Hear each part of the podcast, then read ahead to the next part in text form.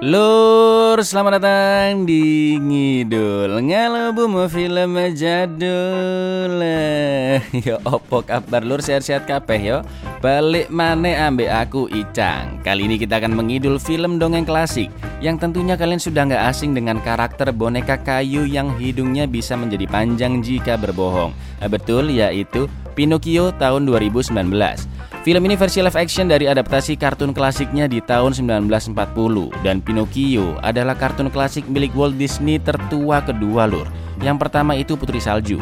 Jangan gunakan logika kalian ketika nonton film ini ya, karena ini kan dari dongeng klasik. Tentunya akan banyak hal-hal di luar nalar dan imajinatif, dan juga banyak mengandung pesan moral. Bercerita tentang boneka kayu bernama Pinocchio yang nakal dan tidak pernah patuh. Sampai akhirnya, secara tidak sengaja dia pergi jauh dari ayahnya yang telah membuat dirinya. Pinocchio pun harus berpetualang untuk menemukan ayahnya kembali. Seperti biasa, sebelum lanjut mari kita berpantun ya. Cak Robi dodol bakso. Monggo sekecaaken. Se. Babbo. Mi è nato un figlio! Sono diventato babbo!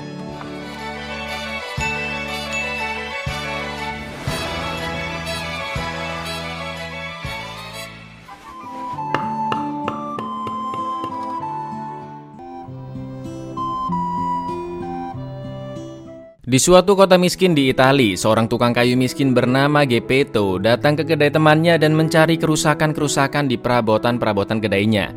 Tujuannya jelas agar dia dapat uang dan bisa membeli makanan. Temannya si pemilik kedai pun paham maksud Gepetto dan memberinya makanan tanpa perlu memperbaiki perabotan-perabotan di sana. Semoga rezeki ente berlimpah ya Gepetto, dan juga semoga rezeki ente semua juga berlimpah dan berkah dulur-dulurku. Setelah kenyang, Gepetto melihat ada kereta sirkus, di mana mereka akan melakukan pertunjukan teater boneka kayu raksasa. Gepetto pun mendapatkan inspirasi ketika melihat boneka-boneka kayu di dalamnya. Di lain tempat, pemilik toko kayu bernama Silieja ketakutan melihat salah satu gelondongan kayu miliknya yang bisa hidup dan bergerak. Tak lama kemudian datanglah Gepetto yang akan membeli kayu. Dia berencana membuat boneka kayu paling indah di dunia dan akan berkeliling dunia untuk membuat pertunjukan sirkusnya sendiri. Gepetto pun akan menamai boneka kayunya siapa? Bener banget KKI, bukan dong Pinocchio lah.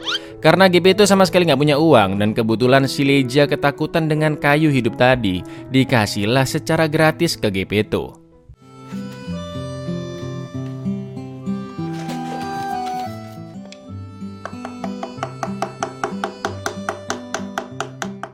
Saat boneka sudah setengah jadi, Gepetto melihat bonekanya memiliki jantung yang berdenyut dan ketika wajah dari Pinocchio sudah selesai, Gepetto pun sangat senang dan ingin Pinocchio bisa memanggilnya ayah.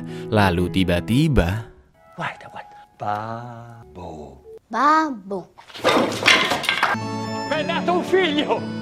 Sono diventato babbo! Gepetto sangat bahagia mendapatkan keajaiban itu. Gepetto percaya Pinocchio memang dilahirkan untuknya. Gepetto menjahitkan pakaian dari selimut usang di kasurnya untuk Pinocchio dan setelah itu mengajarinya berjalan. Ti segno io, guarda. E uno... Pinocchio! Ma che bello imparato!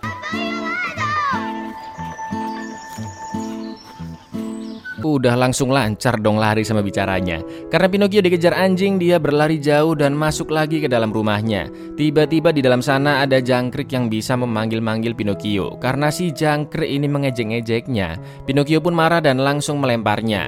Sampai akhirnya dia tertidur dengan kaki dihangatkan di perapian. Sudah jelas kaki kayunya kebakar ya kan? Karena pintu terkunci, Gepetto terpaksa menjebol jendela rumahnya untuk menolong Pinocchio. Gepetto pun memarahi anaknya karena dia nakal dan ceroboh. Tapi karena Pinocchio ini memelas, Gepetto pun akhirnya membuatkan kaki baru untuknya. Gepetto ingin Pinocchio tidur cepat karena besok pagi adalah hari pertama sekolahnya. Gepetto ingin Pinocchio bertemu anak-anak lainnya dan belajar bersama. Keesokan paginya Gepetto membeli buku ABC 5 dasar dari temannya. Tapi karena dia nggak punya uang, Gepetto pun menukarkan jaketnya untuk mendapatkan sebuah buku ABC. Sepanjang perjalanan ke sekolah, Gepetto dengan bangganya memamerkan anaknya yang akan ke sekolah di hari pertamanya. Termasuk Sileja yang terheran-heran melihat kayunya bisa menjadi boneka hidup. Pinocchio melihat ada sirkus boneka kayu di sana. Gepetto bilang dia boleh ke sana setelah sekolah selesai. Tapi ketika Pinocchio masuk ke sekolahnya, Ciao figliolo mio, ciao.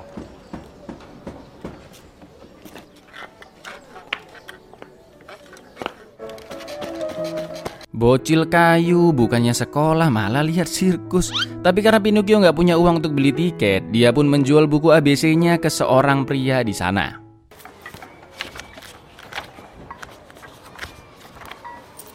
Scappato un gatto, aiuto! Qualcuno ha visto il gatto! Gatto. Pantalone, dimmi la verità! Chi è stato di voi? Arlecchino. Sirkus-sirkus boneka kayu di sana dikendalikan dengan benang sampai akhirnya mereka melihat Pinocchio yang juga boneka kayu dan dipanggil ke atas panggung. Pemilik sirkus bernama Mangia Fu Mangia Astagfirullah susah banget nama Italia. Mangia Fuoco. Nah, menganggap Pinocchio adalah boneka kayu canggih yang bisa digerakkan tanpa benang dan Pinocchio pun dibawanya pergi. Karena Pinocchio tidak ada di sekolahnya, Gepetto semakin resah dan gelisah, lalu mencoba mencarinya di pertunjukan sirkus. Tapi sayangnya, kereta sirkus sudah pergi dari sana. Pria yang beli buku Pinocchio bilang memang anaknya tadi datang ke sirkus itu. Tapi setelah itu dia tidak melihatnya lagi. Gepetto sadar jika anaknya sudah diculik dan dia akan mencarinya meskipun harus ke ujung dunia sekalipun. Ini lo baru perjuangan seorang ayah, lur. Pinocchio akan dilempar Mangia Fuoco ke perapian agar bara api tetap menyala untuk masakannya. Tapi Pinocchio memohon agar dia jangan dibunuh karena dia sangat sayang ke ayahnya dan dia adalah anak satu-satunya. Mangia Fuoco pun akan melemparkan boneka kayu yang lainnya, tapi Pinocchio menghalanginya dan lebih memilih mengorbankan dirinya. Mangia Fuoco tersentuh melihat kebaikan hati Pinocchio dan mengurungkan niatnya membakar boneka-boneka kayu miliknya. All'Arlecchino è fatta!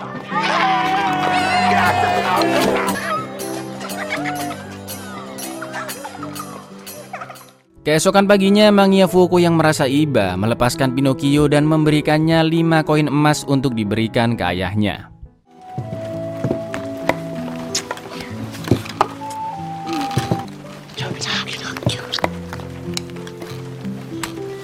Salutamelo, eh? Grazie tante, signor Mangiafuoco.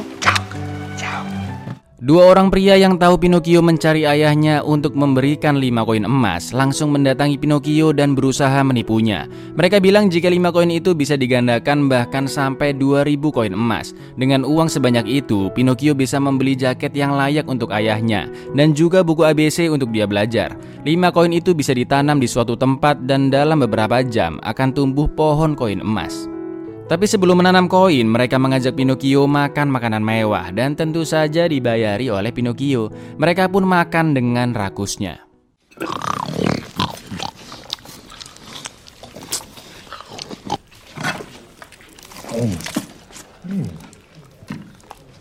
Saat tidur, Pinocchio bermimpi melihat pohon koin emas dan mengambil sebanyak-banyaknya untuk ayahnya. Pinocchio pun akhirnya terbangun karena pintu digedor-gedor pemilik penginapan. Dia bilang Pinocchio ditunggu dua temannya di ujung hutan dan dia harus membayar penginapannya.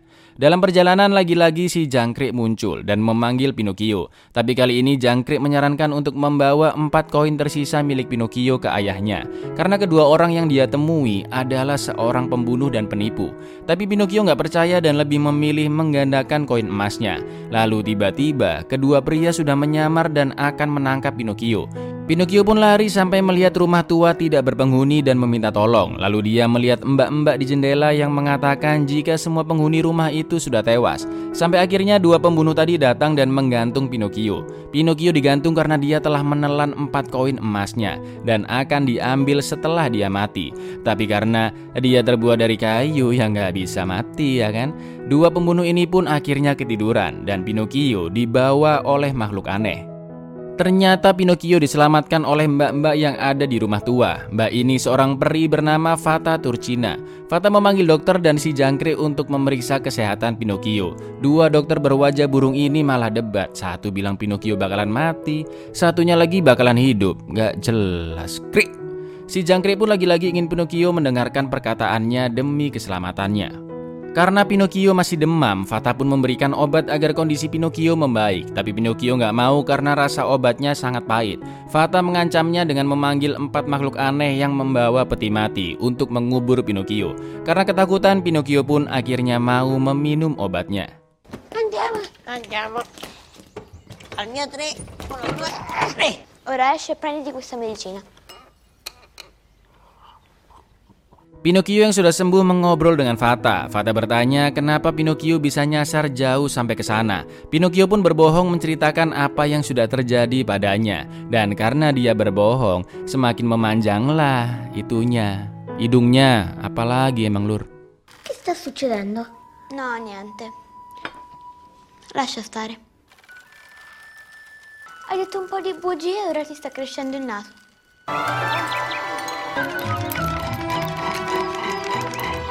Betapa senangnya Pinocchio bisa bermain-main dengan Fata Sampai tiba saatnya Pinocchio harus pergi Fata bilang Pinocchio harus menemukan ayahnya dan nanti bisa kembali main di sana Ciao Fatina. Ciao. Pinocchio kembali bertemu dengan dua pembunuh tadi Tapi karena sebelumnya mereka pakai karung di kepala Pinocchio nggak sadar jika mereka berdualah orang yang mencoba membunuhnya. Mereka berdua pun mengajak Pinocchio ke tempat ajaib itu Dan diminta menanam koinnya di dalam tanah. Lalu Pinocchio pun disuruh mengambil air di tempat yang sangat jauh Tentu saja agar dua orang ini bisa mencuri koinnya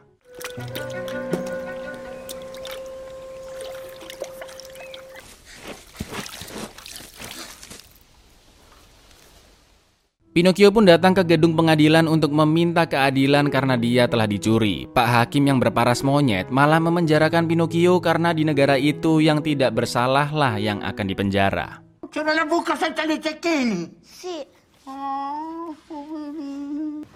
Mettetelo in prigione! Come in prigione? Ma io sono innocente! Karena hal itulah Pinocchio langsung berbohong bahwa dia telah mencuri permata, emas, dan perak Dan karena pengakuannya inilah Pinocchio dibebaskan Pesan moral si Dilur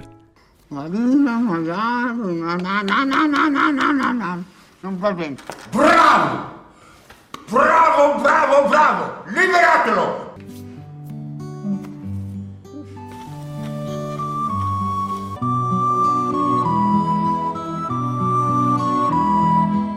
Pinocchio pun terus berjalan mencari jalan pulang ke rumahnya untuk bertemu ayahnya Gepetto dan tibalah Pinocchio di rumahnya. Tapi sayangnya Gepetto ternyata tidak ada di sana. Tetangganya mengatakan jika Gepetto sudah lama pergi mencari keberadaan Pinocchio, entah di mana dia berada sekarang.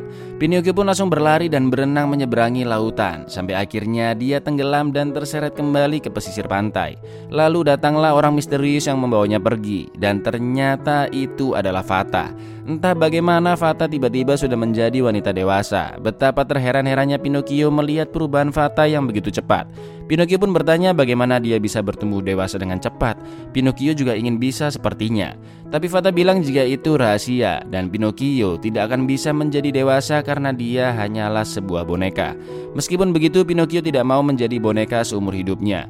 Dia juga ingin menjadi seorang anak kecil, anak manusia. Fata pun bilang jika keinginannya bisa terkabul asalkan Pinocchio berperilaku baik, termasuk harus pergi sekolah. In un recinto ci sono 18 pecore. E ora copiate quello che scrivo io.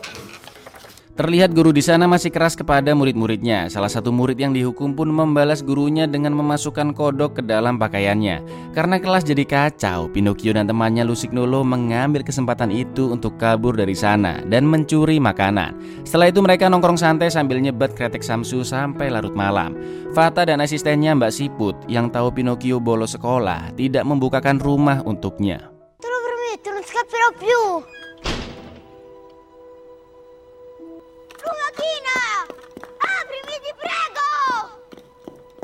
Pinocchio yang menunggu sampai besok pagi akhirnya dimaafkan, tapi jika dia mengulangi kesalahan yang sama, maka dia benar-benar tidak diperbolehkan masuk. Kali ini Pinocchio benar-benar belajar di sekolahnya, tapi dia tidak melihat Lusignolo hari itu. Malam harinya, Pinocchio pun melanjutkan belajar, dan saat Siput mendongengkan Pinocchio sebelum tidur, Fata dan Pinocchio mengusirinya dengan kekuatan sihir Fata.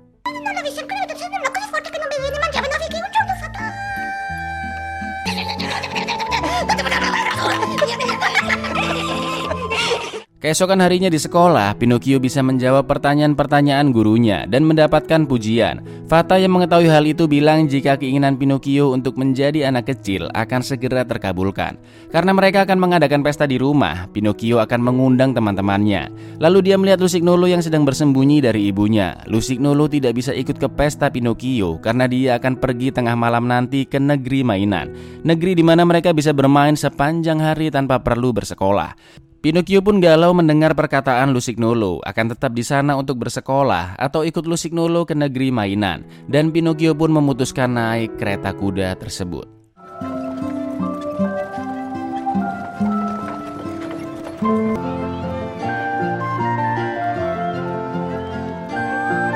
Mereka pun akhirnya sampai di tempat yang penuh dengan anak-anak dan bermain sepuasnya.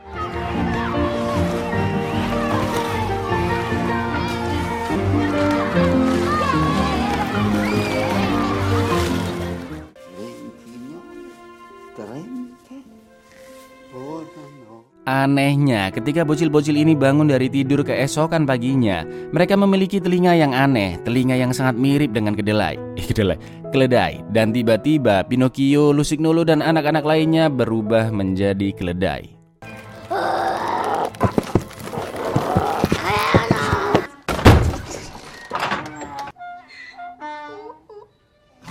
Lalu datanglah orang-orang ke tempat itu untuk membeli keledai-keledai di sana. Seorang pria membeli keledai Pinocchio yang dirasa paling bagus dibandingkan yang lainnya untuk ditampilkan di sirkus miliknya.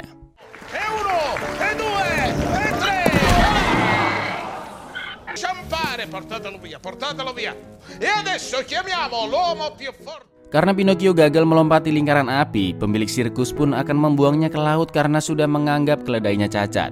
Keledai Pinocchio yang mulai kehabisan nafas tiba-tiba dikelilingi banyak ikan dan membuatnya berubah kembali menjadi Pinocchio.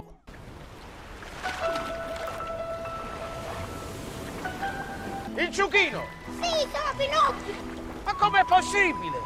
Pinocchio pun terus berenang sampai akhirnya dia ditelan oleh paus raksasa aneh. Di dalam perut paus itu, Pinocchio bertemu dengan seekor ikan tuna yang bisa berbicara. Lalu Pinocchio pergi meninggalkannya karena dia melihat ada cahaya di ujung badan paus tersebut, di mana ternyata itu adalah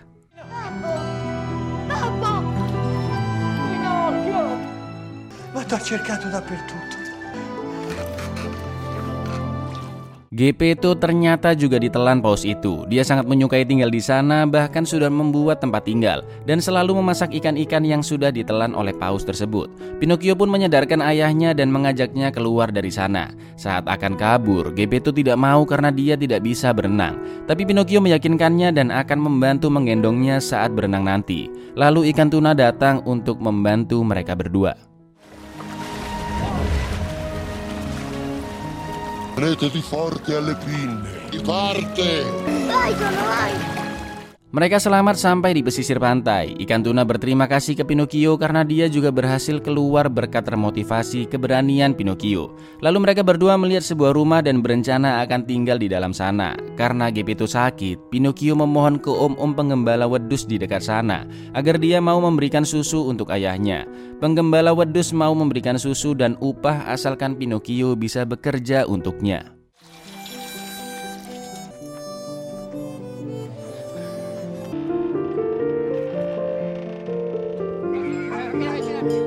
Hari-hari pun dilalui Pinocchio dengan bekerja keras demi mendapatkan upah dan susu. Sampai akhirnya dua pria penculik yang juga ada di sana melihat Pinocchio dan mendatanginya kembali. Mereka yang tahu Pinocchio sudah bekerja dan mendapatkan uang berusaha menipunya. Tapi kamu tidak bisa membodohiku dua kali, kata Pinocchio. Pinocchio. Perché sei uscito? No, no, non mi ingannate un'altra volta. No. Guarda che c'è dietro di te. Ma Pinocchio, Addio per sempre. ti stai sbagliando. Sesampainya di rumah, Gepetto memperbaiki kepala Pinocchio yang mulai retak-retak. Lalu keesokan harinya, saat sedang bekerja, tiba-tiba Fata mendatangi Pinocchio. Fata mengatakan jika Pinocchio kini telah menjadi anak yang berhati baik. Lalu keajaiban pun terjadi.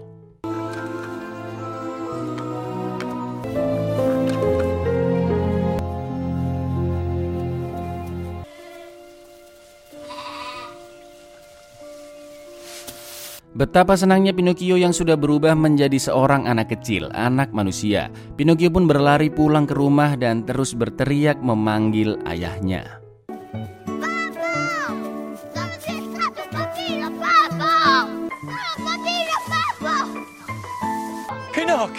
Dove sei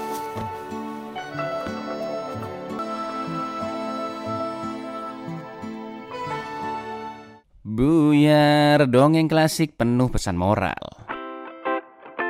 Emang ya lur, dongeng klasik pasti syarat akan pesan moral. Banyak tuh kalau kalian perhatiin tadi bagaimana kejamnya dunia. Mulai dari keserakahan, ketidakadilan, penipuan dan lain-lain. Dan di sini Pinocchio digambarkan sebagai anak yang polos, nakal, suka berbohong dan tidak patuh perintah orang tua. Tapi karena petualangannya inilah Pinocchio berubah menjadi seorang anak yang baik hati, bijak, peduli dengan orang lain dan patuh terhadap orang tuanya. Sampai akhirnya dia mendapatkan hasil yang setimpal yaitu keinginannya untuk menjadi manusia bisa terwujud. Ini lo baru pesan moral ya. Iya wes aku icang undur diri, matur nuwun dan seno untuk berbuat natskal. But say yes untuk klik subscribe di bawah ini. Assalamualaikum.